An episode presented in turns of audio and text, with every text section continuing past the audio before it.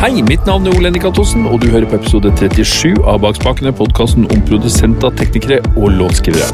I denne episoden så er temaet enkelt og greit UAD-plugins. Du får også høre litt om Apollo og UAD Spark. For å snakke om det her, så har jeg kontakta fire tidligere gjester i Bakspakene.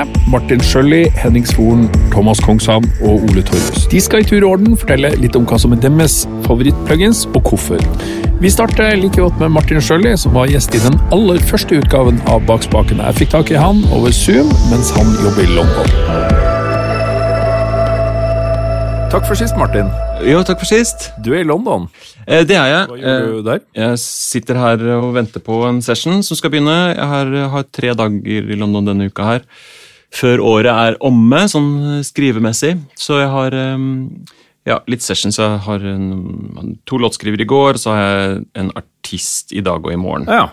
Så akkurat nå sitter jeg i et studio som heter The Dairy, som er uh, veldig hyggelig. Masse bra produsenter som har faste rom her, og så har de to utleierom. Um, og her sitter jeg med Det er veldig koselig. De har et, lite, de har et upright piano her, og litt synter og litt sånn Det er god, god stemning. Du, eh, når du er der nå, har du med deg hardware, eller jobber du på det som står der, eller hvordan er det? Ja, nå bruker jeg det som står her, um, men jeg pleier jo å ha med meg um, Og det, det er litt det vi skal snakke om i dag. Ja. Jeg har alltid med meg en uh, Twin som jeg reiser med, og så har jeg en Apollo hjemme i studio. Men uh, akkurat uh, nå er det sånn at alt er veldig sånn plug and play her, så nå bruker jeg det uh, lydkortet som står her, og så er liksom alle preamper og sånn bare fast kobla opp i det. Så da roter, jeg, roter jeg ikke med det, da. Ja, bare for å starte med det, hvis du har med Apollo Twin og Ja. rekorder med den, hva bruker du inn på veien da, av plugger? Ja, det, er det. Altså, det, det er vel kanskje det jeg egentlig bruker UAD aller mest til. Altså, eh, fordi at jeg reiser såpass mye som jeg gjør, eh, så er det jo veldig, faktisk veldig mye i recordinga at jeg bruker eh, UAD-plugger Ja. på, den, eh, på den tvinnen. da. Ja. Eh, fordi hjemmeoppsettet mitt, så rekorder jeg gjennom en LA2A, en Universal Audio LA2A hardware Ja. Sånn gammel Teletronics, for den syns jeg tar av um, transienter på en veldig fin måte. Og for å gjenskape det når jeg er ute og reiser, så bruker jeg UAD-versjonen uh, på vei inn. da. ja. Uh, og det syns jeg funker veldig bra. Bruker du noe sånn Unison preamp også, eller bruker du den vanlige preampen? Uh, bruker den vanlige preampen. Ja. Uh, ja. Stort sett. Så det, når, men når jeg rekorder, så er det liksom Da er det alltid LA2A på vei inn, og så er det av og til eh, EQ hvis det trengs. En, API, for eksempel. Eh, bare for å løfte litt topp eller sånn på vei inn. Ehm, og så er det jo faktisk ganske mange som liker å synge med autotune. Ja. Og det høres jo litt rart ut for eh, Kan høres litt rart ut for noen, da, men i liksom I sånn skriveøyemed så er det ikke alltid så dumt, faktisk. Eh, Å bare slenge på autotunen, og så kan man synge fritt helt uten å være redd for eh, liksom å gjøre feil eller intonasjon eller sånn. Og da bruker jeg den UAD Autotune Realtime Advanced. Nettopp. Men da spiller jeg Hvis jeg gjør det, så spiller jeg jo ikke den inn. Da bare lytter jeg med den på. Ja, ikke sant. Hvordan er latencyen i den? Den er helt null altså Den ja. Ikke merkbar eh, latency i det, i det hele tatt. Eh, Så det er det som liksom er eh, den store fordelen der, da. Ja. Um, I, sånn, i, forhold til, uh, I forhold til andre måter å gjøre det på. At du kan, du kan lytte med tilnærma ingen latency i det hele tatt. Eh, og så havner jo sporet cleant inn i Ableton, og så, har jeg en, så legger jeg på en vanlig autotune der på sporet etterpå. Ja, ikke sant. Eh, du nevnte også Lexicon 480L som en favoritt. Da vi snakka på forhånd. Ja, som jeg også har da, den bruker jeg jo den bruker jeg både i recording og i mixing da. Ja. Eh, men den, jeg elsker jo, og folk elsker å synge med den 480-en eh, på.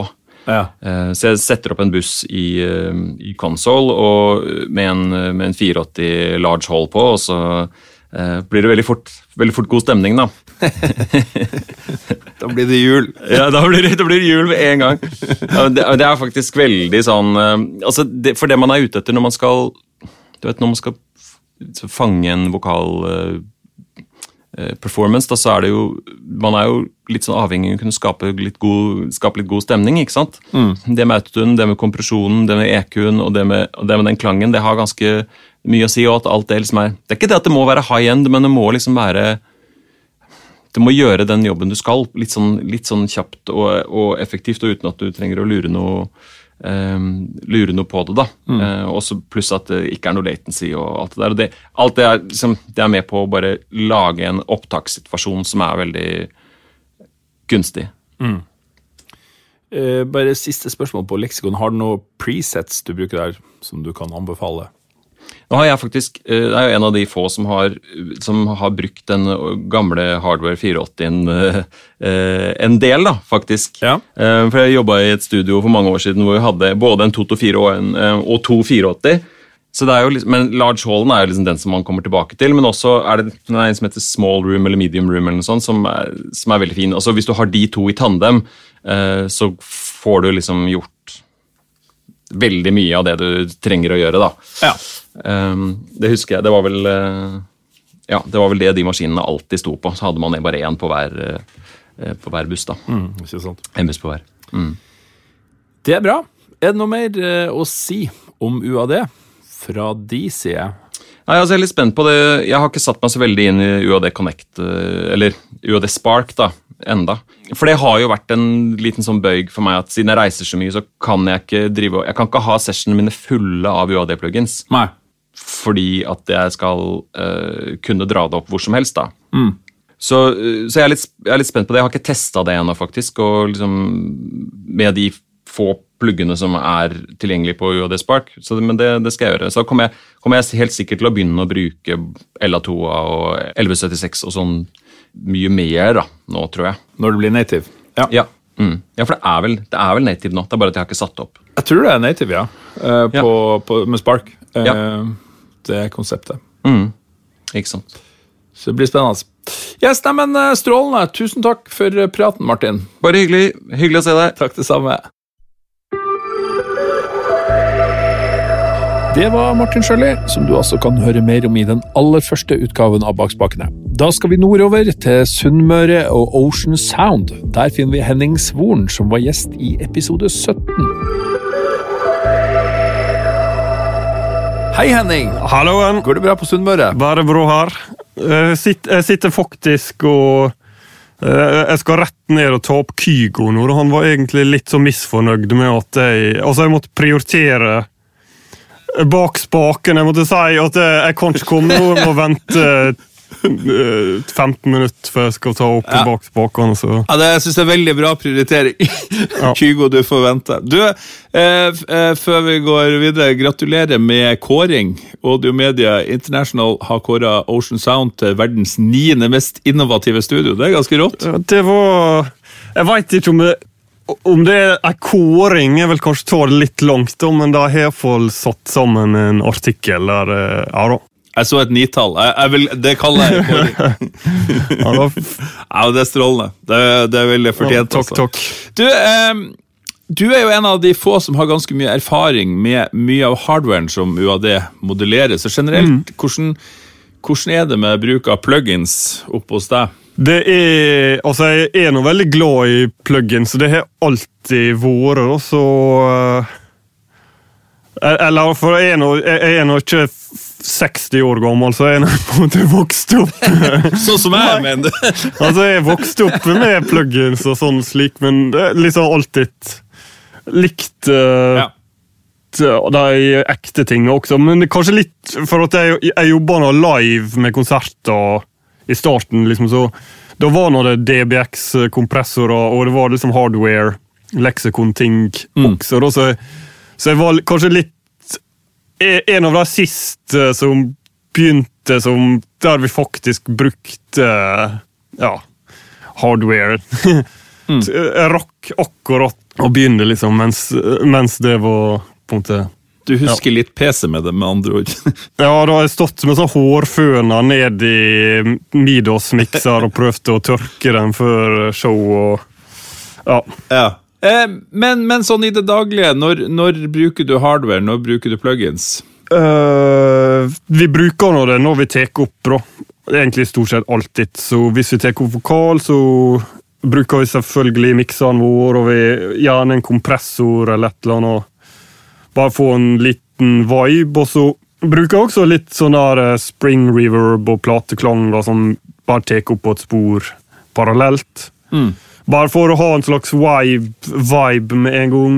Ja. Noen ganger så bare kaster vi det og gjør det bedre senere med, med plugins, eksempel. Men Ja. vi, vi bruker nå de ekte tinga, liksom. Alltid. Ja, egentlig. Ja, når du har det. Du, eh, jeg spurte deg liksom på forhånd om, eh, om noen favoritter. Da kom jo naturlig nok så kom Eila 2 og 1176 opp. Det tror jeg nesten alle jeg snakker om UAD med, så, så nevner de det. Og du sa det var et litt kjedelig svar, men det er jo på mange måter essensen i, i Universal Audio. Ja.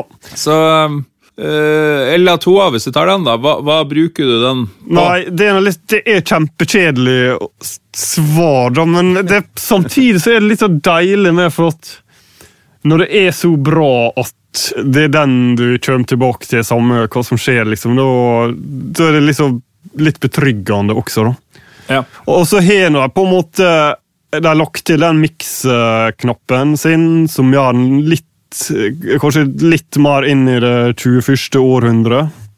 Ja. Uh, og da, du har de tre versjonene. ja. Har du noe favoritt av de tre? Av en eller annen grunn så har jeg alltid, iallfall på vokal, brukt den som heter LA2, altså den eldste. da. Ja. Og det er den som, det er den som ikke har limiter kompressor-switch? Uh, ja, stemmer. ja. Ja, Det var vel den første, og de tror jeg er ganske sjeldne. da, så Jeg har sjelden sett dem liksom, på ekte. men Jeg trodde egentlig den var skitnest, men jeg testa faktisk med bare sinustoner inn i alle tre variantene her om dagen. og de blir faktisk mer dirty til nyere ja. de er, ser ut til. Eller kan, ja, Jeg veit ikke helt hvorfor, men jeg trodde kanskje det var omvendt. Men ja. ja. Men den låter iallfall veldig fint, og grunnen til at jeg bruker den, er nå bare at eh, Hvis du vil ha kanskje særlig en stor og smooth eh, vokallyd, liksom, så er det er den liksom vanskelig å slå, da. Mm. Hvis, du, hvis, du, hvis det går fort og typisk hiphop eller bare og veldig aggressivt, så ville jeg kanskje brukt noe annet, men hvis det liksom er litt pusterom og du bare har, du har plass til å ha en litt sånn stor vokal, så er det til LA2 det går i, da. Mm. Ja. Bra. Uh, ja, en litt kjappere enn er jo 1176, da. Så Mm. Den er bare så kul at uh, jeg, blir, jeg blir på en måte aldri lei av den. Eh, Det er egentlig alt som man vil ha liksom litt fram i fjeset, på en måte. Samme om det er gitar, bass, eh, vokal, tromme. Alt som du vil ha liksom aggressivt og trykke liksom fram i lydbildet, er den helt eh, perfekt til. Og kjemperar og masse feil og ulinjer og dårlig, men det er det, det vi alle sammen elsker. Og, og det er også mange forskjellige altså sånn Hvis du møter en, en 1176 ute i det virkelige liv, så låter det jo ganske forskjellig. Ja, ja, ja. Der er det jo tre versjoner. Mm. Hvilken går du til da? Uh, nei, det er nok kanskje litt sånn uh, Chris Lord Elge, akkurat der. Jeg kan si mye om han, men uh, han, Det det, han har vel gjort det litt sånn at alle bruker den blå blue stripe på vokal, og så revisjon D på bass, elgitar, Mm. tromme. Um, og så bruker jeg faktisk den AE-versjonen jeg, har egentlig bare stjålet det Andrew Sheps-konseptet med den Rarebus-saken Ja. som han har, der alle, alle spor utenom bass og tromme går til en sånn rare buss med 1176. og Det var egentlig bare en YouTube-video jeg så der han brukte den 1176 AE-versjonen, som har da to til én ratio. Eh, og det har jeg egentlig bare brukt i ja, kanskje fire-fem år nå, eller et eller annet sånt. Hvor høy er den rarebussen på i miksen? Altså, hvor, Da, da bruker jeg Altså, jeg setter Jeg, jeg har på en måte en buss uh, uten den som jeg på en måte kan liksom gain uh, Ja. Altså bare matche gainen, og så skrur jeg ned sånn 10-15 desibel. Så det er, det er egentlig bare så vidt at når jeg åpner den opp, så er det bare, hører du at det blir bitte litt høyere, på en måte. Så det er ikke noe sånn Det er ikke noe sånn eh, Veldig mye å si, men jeg, jeg føler at det, det, ting mikser seg litt mer av seg sjøl. Sånn at når vokalen detter ut, så kommer instrumentene litt opp, på en måte. så... Men samtidig så er det også litt sånn Det kan bli litt sånn tett og travelt hvis du har veldig mye parallell komprimering, så Bare bitte lite grann, liksom. Bare litt. Ja, Ja. det er bra. Famous last words. Bare litt. Bare litt. Ja. Eh, Fairchild nevnte du også. ja. Det er jo en klassiker. Det jo Ja, men det som er egentlig eh, Jeg har på en måte i etter at Hvert Jeg vet ikke om du har snakka så mye om det Spark-konseptet her foreløpig. Jeg har ikke fått satt meg så veldig mye inn i det sjøl, men du må bare fortelle. Ja, jeg vil, jeg jeg vil bare nevne at på en måte Fairchild også i lag med den LA2 og 1176 er på en måte vår Det er den som er ligget inne på sånn der eh, eh, Heter ikke default, men du kan legge opp en Dynamics og en EQ som liksom popper opp i plug-in-menyen når du skal sette opp noe. Og den Fairchilden er liksom alltid ligget der, da. For den er til, bare sånn generelt til forskjellige instrument som du bare vil flate litt ut sånn eh, Ja, eller bare Ja. Mm. Eller bare gi ting litt farge, på en måte. Så jeg har brukt den, men, men den har ikke kommet til sånn spark-modus. Og så driver jeg og så prøver å få til ei løsning der jeg kan jeg vil, jeg vil egentlig slutte å bruke de analoge tinga, sånn at jeg kan ha alt på laptop, og så åpne opp og gjøre recalls hjemme og sånt. Da. Og da, da vil jeg egentlig satse på Spark-tinga.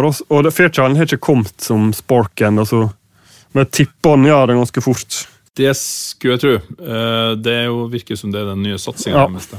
Du liker også tape-emulering, sa du. Ja, eller det- Jeg syns det er veldig mange dårlige tape-emuleringer, men det er iallfall ei som er bra. Ja, Og det er Ampex ATR 102 Ja. um, av UAD, og den, der har vi ei maskin som jeg må skry, faktisk skryte litt av. At den, det er en teipmaskin som er faktisk i, i veldig god stand. Den står rett bak meg her nå. ja. Og låter dritbra på ekte, og den er ganske stabil og fin og sånt. Men den pluggen pluginen, altså jeg hører nesten ikke forskjell. Altså, alt jeg liker med den tapemaskinen er i pluginen, og det, det er liksom sånn eh, slags sparkle og glød i toppen som gir ting litt mer liv, først og fremst. eh, som jeg elsker med den. da. Og, og der føler jeg at de bare har naila det 100% så eh, ja. ja. Så den er helt fantastisk. Og jeg, bruker egentlig nesten bare helt så default-innstillinga på den, pluss seks eh, modus eh, og 456-teipen og halvtoms. Eh, 15 Ips. Mm.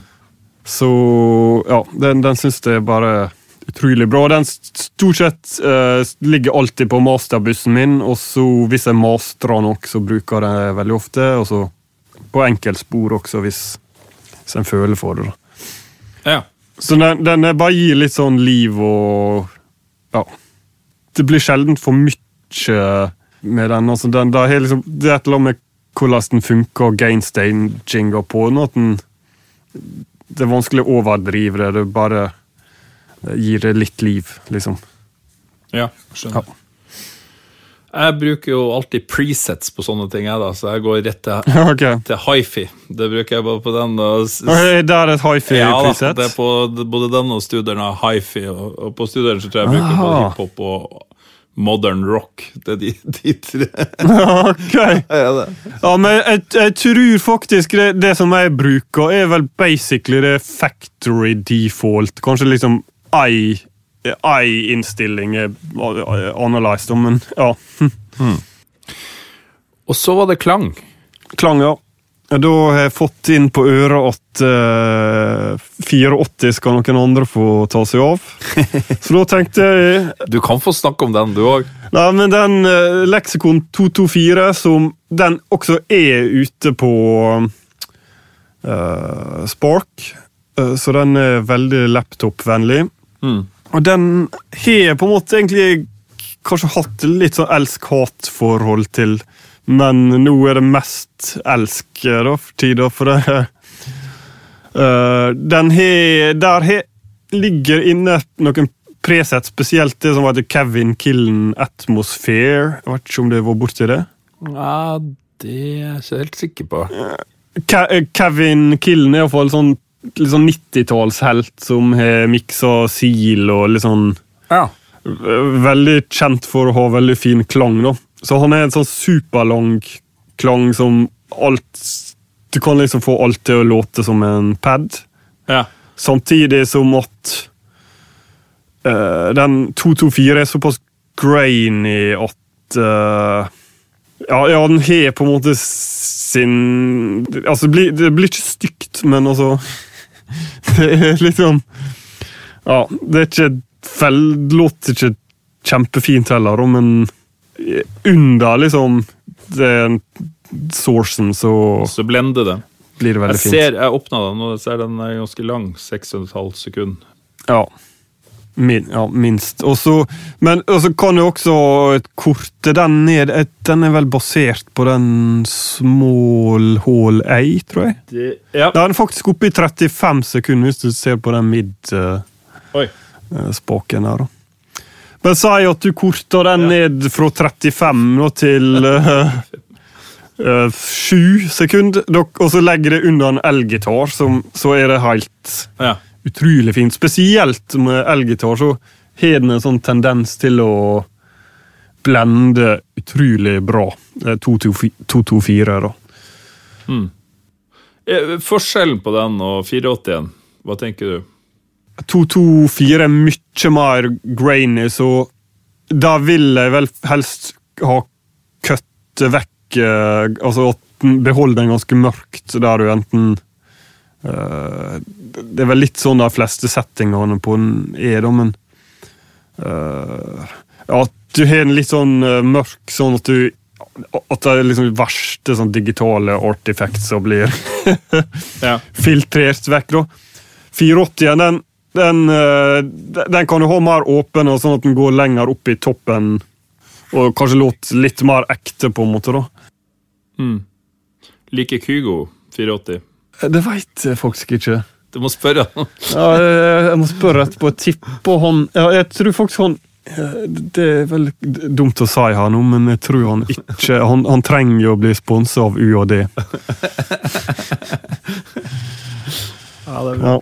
kan ja. Det kan hende han begynner med det nå når Spark eh, finnes. Vi får se. Ja. Ja. ja. Skal tipse nå. Du får tipsa. Yes! Du hadde en ting til. Du er, Ja. du er langt inn i Sparks. Du ligger foran skjemaet her. Ja. Uh, nei, jeg var vel i forhold til at jeg satsa vel litt på at På den innspillingsbiten og mer uh, eh, ja, instrument, og at du på en måte kan spille inn med plugins uten latency med de lydkortene sine. Så jeg regner med at det er litt derfor at jeg valgte å lagre Waterfall Hammond-orgelet sitt. da. Og det er rett og slett så utrolig bra. Uh, altså Jeg jobber nå mest enten med miksing og uh, andre sine musikere som spiller eller sender meg fil og sånn, men av og til så må jeg liksom legge på litt egne ting. Og da tenkte jeg skulle teste ut det, og det, det var bare så eh, utrolig bra at jeg ble nesten litt irritert. For det hvis du skal Jeg har tatt opp masse Hammond-orgel opp, eh, opp igjennom, og enten så er det et eller annet som er feil med orgelet som er litt sånn eller slik, og kanskje ikke låter helt bra, eller så er det, er det liksom vanskelig å mikke opp og få det liksom kult. Så det er bare at det, det er waterfall-orgel, altså det er liksom Altså, jeg, jeg sliter da hvis jeg skulle tatt opp et ekte orgel som låt like kult. da. Mens før så Altså, det orgelet vårt er liksom kjempetøft i rommet når du altså, Vi har et Hammond A100 og Sam Leslie ja, det låter superkult i rommet, og du kjenner det, men oppmikka så blir det litt sånn Litt sånn vanskelig å fange det, liksom, på en måte. Mm. Så, så, så det er iallfall det Waterfall er bare så utrolig kult. Og med også måten hvordan du har valg på hvordan Leslie-ene mikker opp, og om du kan ha litt mono, eh, sånn vanlig, og sånn en brei stereo da, som låter kjempetøft. Mm. Og, men det, det jeg savner med er egentlig at du på en måte kan få tilgang til Leslien som en sånn effektmodul. da. For nå kan ikke du sende audio inn i pluginen. og Si at du har en, en koring som du vil ha Leslie på. Så kan du ikke ha det nå, da, men jeg håper at det kommer en ny versjon der du på en måte kan bruke Leslie mer som ei hva som helst effekt. på en måte. Mm. Ja. Spennende. Eh, Det gleder meg til å prøve. De har jo, eh, Med Luna da, så hadde de også De har gjort flere ting på Mm. Ja. Ja, ja. ja den er også hørt veldig mye bra om den Mugen der. Og. Jeg, Ja, den er ikke ja. Testa sjøl, men ja. Ja. Ja. Nei, men uh, Henning, strålende. Kygo venter. Yes. Uh, Du får gå og spørre han om eh, leksikonklang. Det skal jeg gjøre. Uh, lykke til, og hyggelig å se deg. Kjempekjekt. Vi snakkes. Snakkes. Ja. Yes. Okay. Ha det. Ha det, ha det. Alltid gøy å høre hva Henning Svoren har å si, og det kan du altså gjøre mer av i episode 17. Vi skal tilbake til London. Det virker som mange av Bakspakkens tidligere gjester har tatt turen dit nå før jul. Vi skal snakke med Thomas Kongshavn, som du møtte i episode 22. Han er London sammen med Karpe. Da er det en glede for meg igjen å si velkommen til Bakspakkene, Thomas Kongshavn. Tusen takk. Tusen takk. Og gratulerer så mye med all suksess siden sist. Det vil jo ingen ende ta. Nei, man kan jo bli meget ydmyk av slike ord, men eh, jo, tusen takk. Ja. Eh, og nå er du i London. Nå er jeg i London, og jeg sitter på et hotellrom og ikke i studio, fordi studiotiden er ti timer, og den er veldig viktig at vi har de ti timer. Eh, Så da, hvis jeg hadde brukt opp nå to timer på dette her, så hadde det tatt av Karpe sin studiotid. Men vi driver jo egentlig jobber med ny musikk i London. Ja. Ja. Fett. Mm. Når kan vi forvente å få høre noe av det, tror du? Nei, det vi har snakket en del om det, og det kan, det kan plutselig skje. Ja. Men det er ikke sånn at eh, vi har en plan om at det skal skje i morgen. Men ja, det kan plutselig skje. Det er, eh, vi er i hvert fall veldig gira Ja. og klare for å gjøre noe nytt. Hvor er dere jobber i London? Jeg sitter jo da i studio i Oslo med Martin Sjøli, som eh, reiser mye til eh, London. Og da spurte jeg han rett og slett hvor burde vi dra, og da foreslo han to steder. Og da tok vi det som var nærmest Heathrow, som er, ligger da i Shepherd's Bush og heter Wendy House. Ja, Mm. ikke sant? Fint sted. Ja. Bra. Eh, dagens tema Apollo. UAD. Ja. Hva er dine favoritt-UAD-plugins? Er den enkle oppgaven? Ja, ikke sant? Nei, altså, jeg, jeg kan jo bare forklare. Altså, mitt oppsett inntil 2018 var egentlig en um, Apogee Ensemble. Og så begynte jeg å jobbe med Aksel Karlsson, eller Ax, som jeg produserer mye av Karpe-musikk med, og han jobbet med Apollo. Uh, og brukte veldig mange av plugginsen der, og da ble jeg litt nødt til å ta et valg på om jeg ville, fordi vi hadde lyst til å ha like prosjekter, at vi kunne hoppe mellom prosjektene på våre maskiner. Ja. Og da måtte jeg rett og slett bare kjøpe meg en Apollo og begynne med disse plugginsene. Ja. Så jeg har jo da en Apollo um, 8 i studio, og har akkurat kjøpt en Apollo X. eh, eh, og så har jeg også Apollo Twin i tillegg som en slags monitorkontroller, og en forlenger av den. Og så har jeg også en Apollo Twin hjemme, som jeg har med her nå. Ja. Så jeg har jo mange av disse lydkortene. Eh, og det jeg husker Jeg fant ut av ganske fort, for jeg brukte, var jo veldig sånn Waves-slave, um, var jo egentlig det at uh, dette låter jo ekstremt mye på en måte fyldigere og rikere, eh, på en eller annen måte. Det var sånn jeg, jeg ble egentlig litt sånn overrasket over hvor mye bedre det kunne låte. Um, og da en av de første um, jeg kanskje ble sånn veldig satt ut av, var jo disse klangene. Mm. Fordi jeg, var, jeg har brukt liksom Man har gått liksom gradene fra liksom waves, og så plutselig kom det en sånn native eh, instruments-klang som jeg begynte å bruke, som minner om en sånn 480, og så kom jeg inn på da klangene til eh, Apollo eller UAD, da, som eh, Det var bare wow, dette her er jo helt Sånn skal det låte. Sånn skal en klang låte. Valhalla, og det er jo en annen historie, eh, og en veldig gøyal eh, ting å bruke i tillegg, men eh, jeg følte plutselig at jeg landet inn i en slags sånn ekte recording-studio som jeg aldri hadde fått lov til å være i før. Og EMT 140 det er liksom blitt den klangen jeg bruker veldig mye hvis jeg vil at noe skal ha litt karakter. Um, uh, har litt sånn Hvis du tenker Amy Winehouse, da. Uh, eller tenker Ja. sånn type litt sånn eh, Jeg vet ikke, litt sånn kanskje litt skitten, gammel klang. Mm. Så bruker jeg veldig ofte den som en Ja, som klangen. Uh, og det leder meg over til at også hvis jeg vil ha en litt mer renere klang, som bare låter digg, men som ikke har noe sånn så stor karakter, så er det L480. Leksikon 480 er ofte endt på, da. Mm. Og så Emilie Nicolai er veldig sånn L480. Ja. Eh, og, og Karpe er nok litt mer EMT 140. Så det, det var kanskje en enkel forklaring av det. Ja, det er Ja. bra forklaring.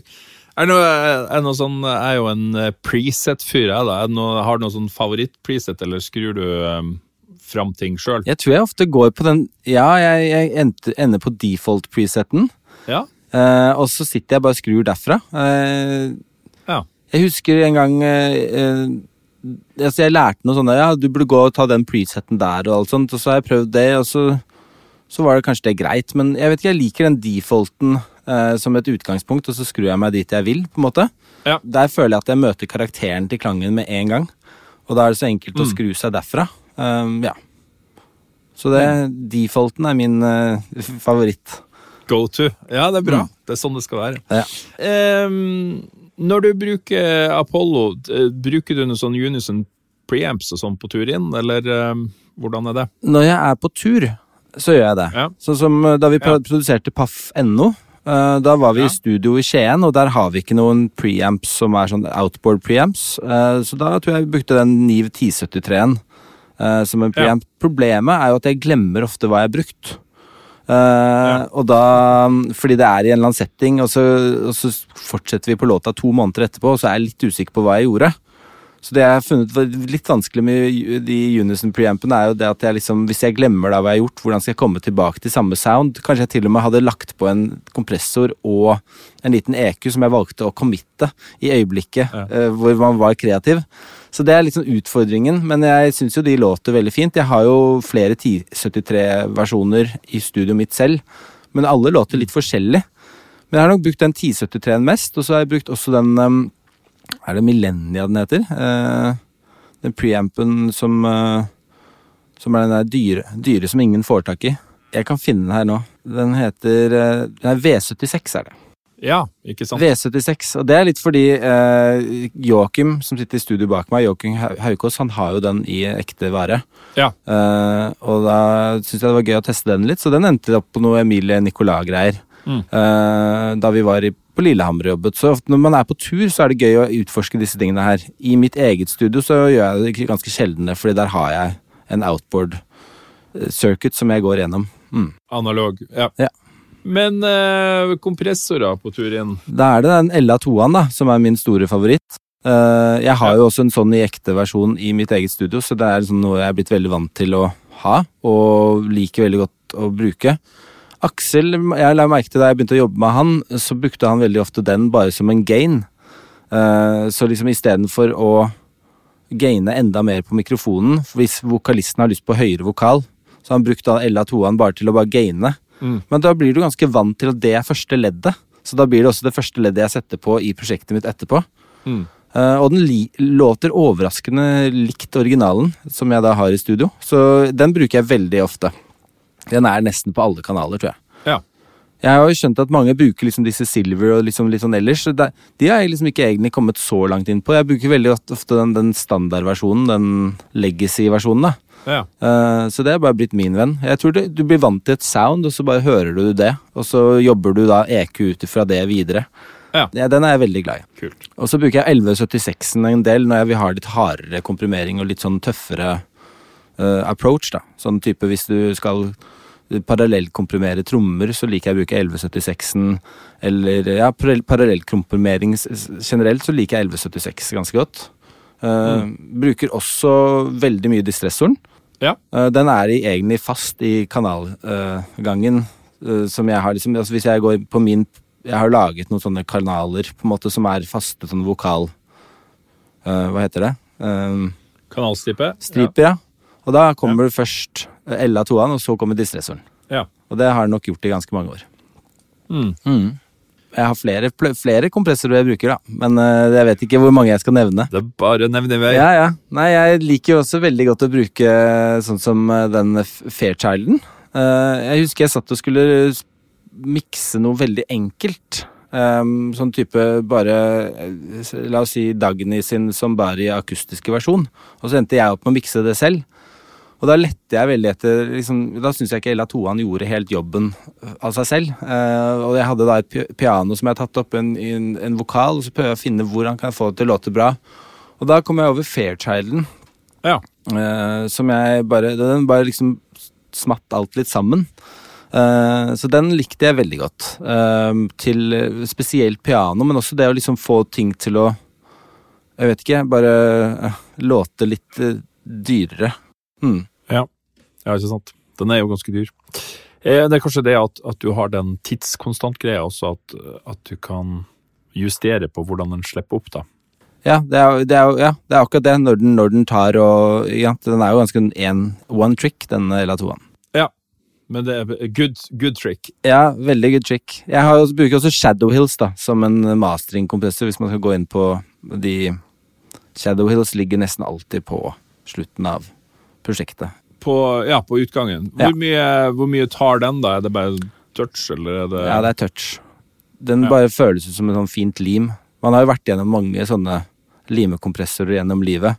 Ja. Uh, alt fra SSL til liksom eh, API til Altså liksom alle disse glue-kompressorene. Men jeg føler den Shadow Hillsen gjør bare noe spesielt, spesielt i den UAD-versjonen. da Så Hvor du bare føler liksom en sånn Mm. kontroll som Ja, veldig, veldig deilig. Mm. Mm. Hva med EQ? Jeg tror EQ så er jeg veldig glad i å bruke øh, disse UAD-EQ-ene som en, øh, en farge. Eh, jeg liker å bruke de til å fargelegge mer enn å ta bort. Eh, Så jeg bruker kanskje til å reparere bruker jeg mye mer Fab-filter og liksom de type tingene der. Eller Logic sine egne. Men, men hvis jeg skal fargelegge, så er jeg veldig glad i å bruke sånne typer kompresser som UAD har. Og da bruker jeg nok veldig ofte den um, API 560. Ja. Den bare gjør et eller annet sånn oppi toppen der som er veldig, veldig deilig. Uh, liker også veldig godt å bruke faktisk noen av de Oxford uh, um, Sonox uh, Ja. Men det er ikke så mye til fargelegging, men allikevel litt. Jeg vet ikke, jeg syns de låter nesten bedre i UAD-versjonen enn sin egen versjon. Eh, eh, for jeg har begge. Men eh, da um, Også den jeg bruker vi ofte den Pugtekken. Bare sånn til en sånn, Bare sette den på, skru opp litt på et, et, en frekvens, og så plutselig så sitter det veldig sånn mye bedre. Så det er veldig sånn, mye sånn fargelegging, egentlig. Du trenger ikke gjøre så veldig mye. Du bare setter den på, drar opp litt i noen frekvenser, og så Oi, der satt den mye bedre. Da fikk den mye mer presence. Så jeg bruker nok EQ-ene til det, da. Hovedsakelig. Ja. Mm. Ikke sant. Eh, I popverden som du opererer i, så er det jo ganske mye bruk av autotune på UAD nå, har jeg skjønt. Ja, autotune er jo blitt en eh, ting som de fleste artister eh, liker å bruke på en eller annen måte. Eh, og veldig mange av de artistene jeg jobber med, ønsker å bruke autotune i innspillingssituasjon. Eh, sterkere eller eh, mindre sterkt. Altså Emilie, Emilie Nicolas, selv om hun er en fantastisk sanger, Mm. så ønsker hun å bruke det, for hun ser det som et slags instrument hun synger inn i. Og da kan hun leke på en eller annen vill måte med det, og hun elsker det. Og Karpe syns jo det er det ja, Det, det er som hiphop-tankegang, at man eh, man, eh, man er liksom i det soundet, men også de får jo, får jo gratis tilbake toner som de ikke må Ja. pitche helt riktig selv. Men ja. så, så jeg, jeg kan rett og slett ikke reise noe sted uh, uten at jeg har den, det tilbudet til dem, da. Så når vi, når vi er i London nå, så har, er det jo en Apollo i studio hvor vi er, men den hadde ingen plugins, så da jeg måtte ha med min egen Apollo med autotune for at eh, det skal bli en fruktbar uh, studiouke for dem, da. Hvis ikke så er det nok litt sånn nesten litt skuff. Da må man gå inn og kjøre det, kjøre det gjennom Logic, og da får vi jo latency-problemer og sånn. Så, Ja, Ja. ikke sant. mm, så autotunen er blitt en viktig uh, del av studio, og spesielt da UAD sin. Mm. Fordi man nettopp bruker den konsollen Ja, til å ta opp. Mm. Eh, så nevnte du Culture Vulture. Ja. Culture vulture er jo en sånn man blir kjent med sånn fra barndommen av, omtrent. Sånn hvis du skal vrenge noe, Ja. eh, så hva, vreng, hva bruker du da? Da jeg, jeg vet ikke, For oss som har vokst opp med Soundtoy, så er jo Decapitator en stor, stor kamerat. Mm. Men man må også huske på at det fins andre ting der ute som kan gjøre en lignende og kanskje annerledes jobb, da. Ja. Så Culture Vulture har jeg brukt uh, en del for å liksom Når jeg syns det er litt kjedelig med Decapitator, så bruker jeg kanskje den isteden. Ja. Men jeg bruker den hovedsakelig til å vrenge ting. Ja. Uh, mindre eller mye, da. Mm. Så det er min eh, erfaring der. Men utrolig kul uh, plug-in. ja, veldig bra. Mm. Eh, siste som vi har på lista, det er Chorus Brigade og Dimension D. Litt modulasjonseffekter på slutten. Ja, jeg, begge de to er jo blitt sånne favoritter. Eh, det var vel egentlig Joakim Haukås som viste meg Dimension D eh, som en sånn liten pop-gem. Ja. At hvis du sen- set, setter det som en buss og overkomprimerer den med en 1176, eh, og drar av litt eh, topp eh, rundt 2-4 K, eh, og dytter den opp sammen med lead-vokalen, så plutselig wow, så får du um, et sånn pop-sound som er liksom et veldig ønsket pop-sound for mange. da, Sånn Justin Bieber, altså den type ting. Ja. Så det er vel en periode jeg har brukt det nesten på alt jeg gjør, så her ligger den bare som en liten sånn buss, da. Uh, som jeg bruker til det. Uh, ellers så bruk, Chorus Brigaden har vi brukt veldig mye med Karpe. Uh, til å lage hele Omar Sheriff-soundet på vokal. Ja. Så veldig ofte når vi er i studio, så har vi den som en send nummer to i innspillingssituasjonen, så de hører den Selv, ja. veldig, veld, Og vi gjør, bruker den ganske kraftig til å nettopp gjøre følelsene av at det ikke låter så streit, Mm. eh, og låter litt mer syrlig, da. Så den er blitt et yndet eh, produkt på vokal, spesielt med Karpe, da. Ja. Mm. Du, det er veldig, veldig bra. Ja. Eh, tusen takk for dine råd og tips, og så eh, masse lykke til med jobben der. Så gleder vi oss veldig til å høre resultat. Tusen takk. Interessant prat og gode tips fra den alltid energiske Thomas Kongshavn. Han møter du også i episode 22. Og til sist så har jeg ringt opp Ole Torjus, som du møtte i episode 20.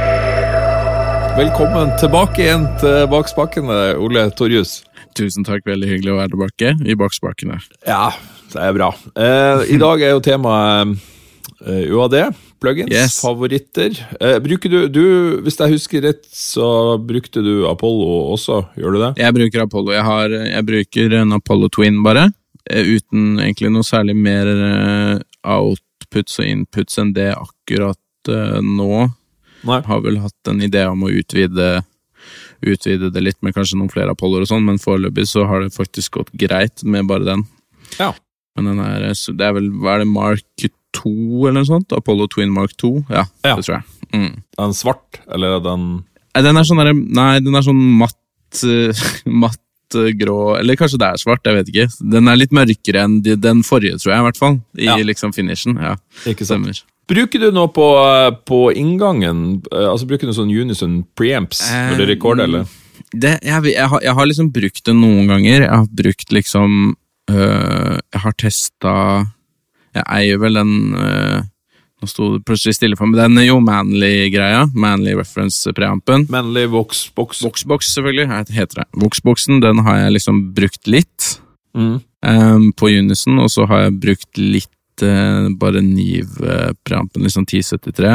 Ja. Um, men for øyeblikket så bruker jeg ikke noe så bruker jeg ikke noe Unison, egentlig. Nå har jeg en 1073 stående hvis jeg vil ha det, og så har jeg liksom brukt en del Jeg har jo, jeg har jo også de siste kanskje året spilt inn altfor mye eh, SM7B-vokal.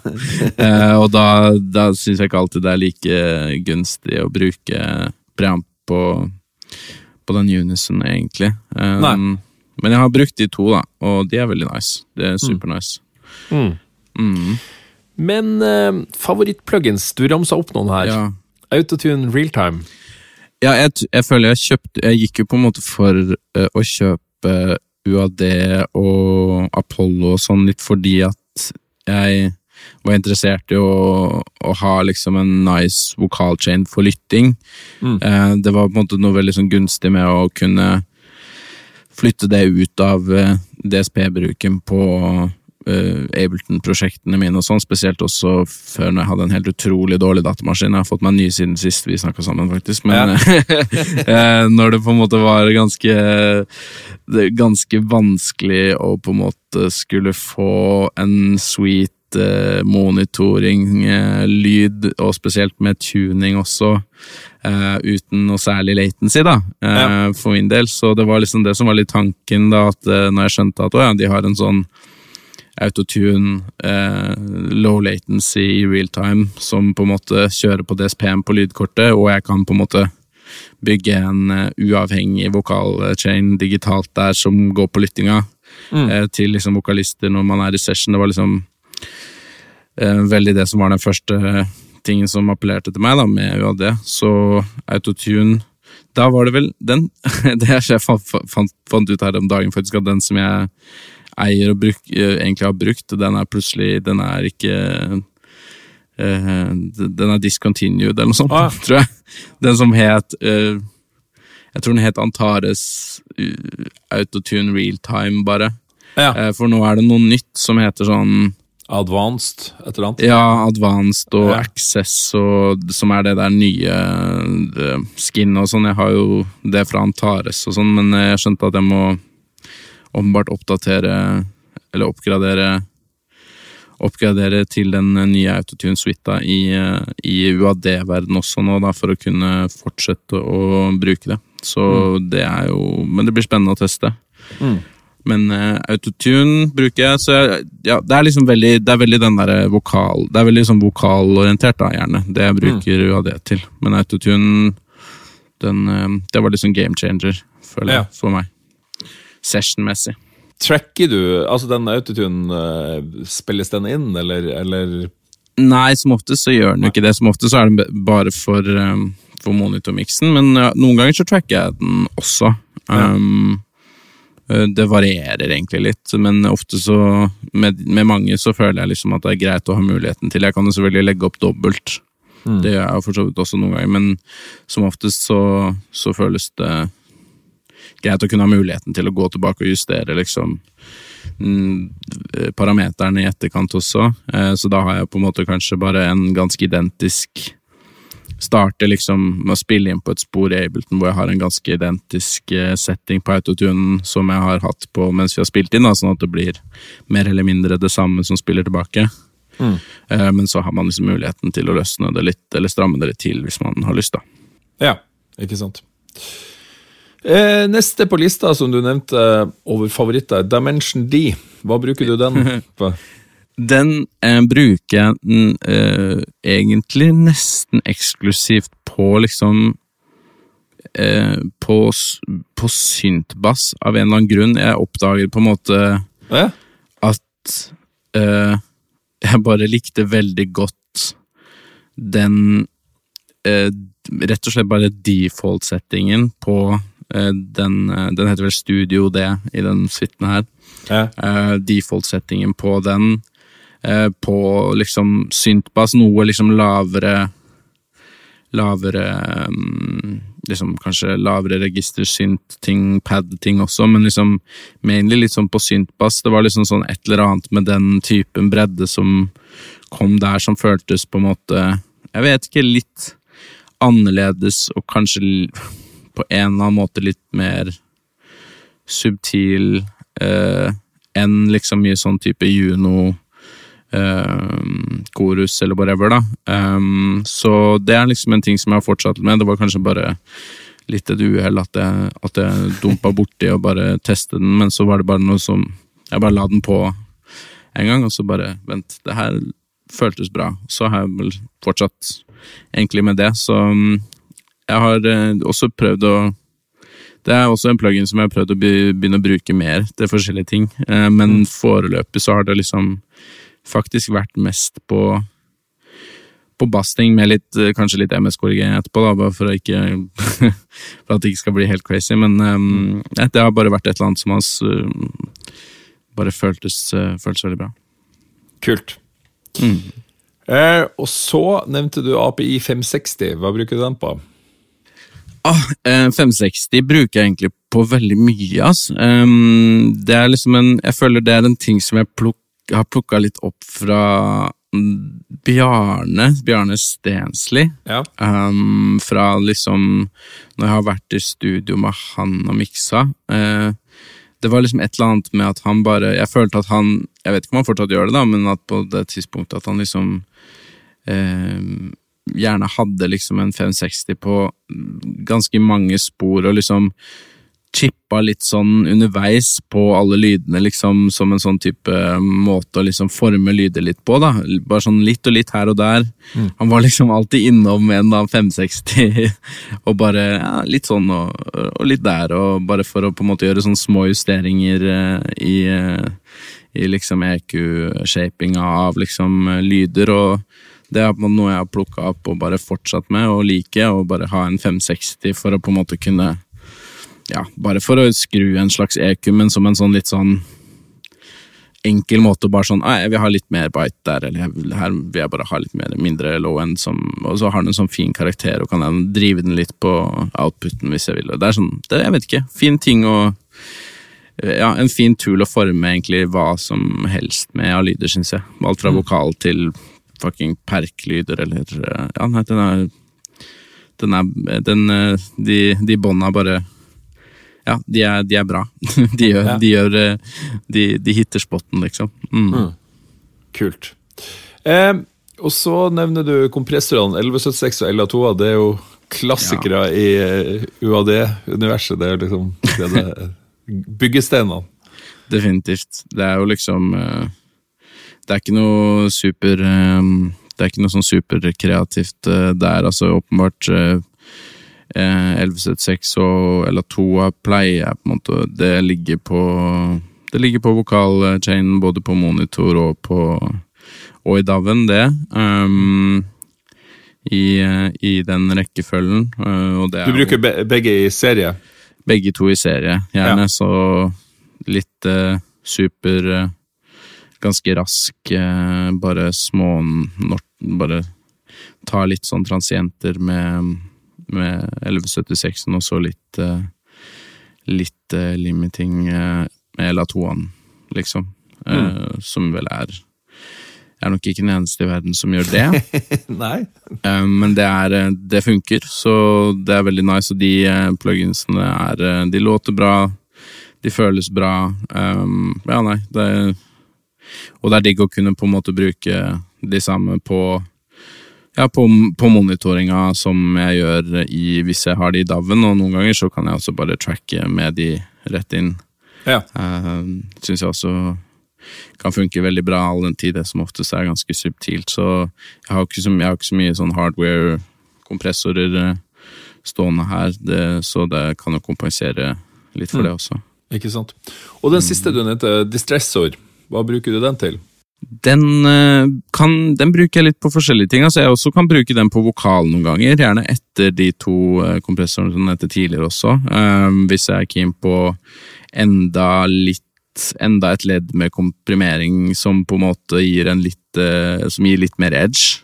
Mm. Um, trommebuss også kan den være veldig fin på. Bass um, pa, i parallell. Eh, nei, det er også, syns jeg, ganske sånn uh, versatile ting som jeg kan gå, uh, gå for hvis jeg er keen på Jeg vet ikke, en litt Altså, en, ja, en litt mer edgy type komprimering, kanskje, da, eh, i tillegg. Men det blir ofte sånn, ja, i en serie med, med de andre tingene, og kanskje enda en kompressor til på toppen der igjen, eller en Shadow Hills, eller et eller annet sånn, eh, Mm. sånn der, da. Mm. Er det er noen av de her um, er jo en sucker for presets. Uh, Mm. bru, bruker du det nå, eller, eller skrur du fra scratch? Jeg tror jeg, jeg vet ikke, det er et godt spørsmål. Jeg tror egentlig ikke jeg har brukt så mange av presettene på de eller Toa, eller på de UAD-tingene, bortsett fra kanskje Vocal Limiter, tror jeg. Jeg lurer på om det faktisk er på LA2 Nei, på 1176-en. Ja. Um, så er det en preset som heter Vocal Limiter, eller Modern Vocal Limiter. Um, okay, nå skal jeg faktisk sjekke det for deg. Sånn at jeg, ja, Vocal Limiter. Ja. Vocal Limiter på og Major Vocal Limiter på eh, 1176-en. De har jeg brukt noen ganger og syns at de kan være kan være ålreite, men i ganske stor grad så er det jo på en måte ganske ja, det er få parametere og, og, Ja. og enkle plugins å på en måte eh, bruke, så jeg har ikke, jeg har ikke testa så mye presets, dessverre. altså. ja. Det er kult. Nei, men du er strålende. Tusen takk for praten. Du, bare hyggelig. Lykke til videre. Jo, takk skal du ha. I like måte.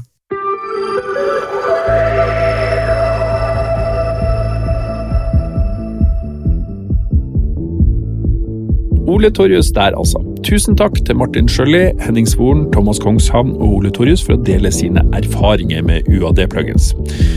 Avslutningsvis så tenkte jeg også å nevne noen av mine egne favoritter, utover klassikerne 1176 og LA2, som eh, alle har nevnt, og som er helt påkrevd når du først har UAD.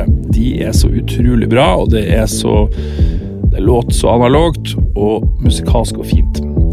Hvis du bruker Apollo, så syns i hvert fall jeg at preampene får et stort løft hvis du bruker en sånn Unison preamp. Og jeg bruker mye Niv 1073, men også en del eh, UA610 hvis jeg ønsker en rørfølelse på det. Og når vi snakker om rør, så syns jeg generelt at gitarforsterkersimuleringen er veldig, veldig fin å spille inn med Apollo. Det låter veldig bra, og det er selvfølgelig utrolig praktisk. Jeg har eh, mange favoritter i UAD, og som mange andre her nevner, så er noe av det som er veldig bra med Universal Audio, at det er så bra til å naile analog hardware. Eh, Noe av det som jeg bruker aller mest, er allikevel klanger av ulik karakter. Flere her har nevnt 480, leksikon 480L.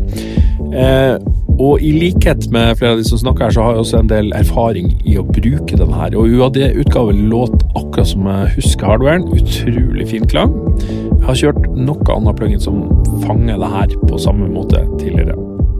En annen klang som jeg også bruker mye, der jeg ikke kjenner originalen i særlig grad, det er AKG BX20. Så jeg aner ikke hvor nært eller fjernt den egentlig er, men den er utrolig fin. Organisk klang. Nydelig på gitar, piano, vokal, masse annet. Jeg bruker også AMS RMX 16 masse. Dette er en sånn skikkelig 80-tallsklassiker, vintage digital, men den er like relevant den dag i dag. Det låter utrolig fint i miksen, og det låter veldig sånn dyrt. Veldig luksus. Så har jeg i mange år hatt et veldig tørt trommerom, lite naturlig ambiens, og da har denne Ocean Way Studio Room Modeler vært utrolig hendig å gripe til. Suveren på å legge på refleksjoner og få litt liv rundt settet. Jeg har også blitt veldig glad i Capital Chambers, og jeg gleder meg veldig til å bli bedre kjent med Hitsville Reverb Chambers. Den tror jeg er skikkelig knall. Det var mine to cents på det. Eh, Det fine med plugins er jo uansett at du kan teste de ut i ro og mak hjemme eller i studio. Prøv ut de vi snakker om her, og de andre. I UAD så finner du masse gull som helt garantert løfter produksjonene dine til nye høyder. Fram til nyttårsaften så er det en rekke tilbud og medfølgende bøndler når du kjøper Universal Audio Hardware. På benum.no så kan du lese mer om det her. Bakspakkene lages i samarbeid med Benum, og dette var også en episode som er betalt av annonsør Universal Audio. Da gjenstår det bare for meg å takke for i år, og takk til alle som har hørt på. Bakspakkene kommer tilbake i 2023, men jeg vet ikke helt når. Mitt navn er Ole Henrik Ottosen, og vi høres igjen.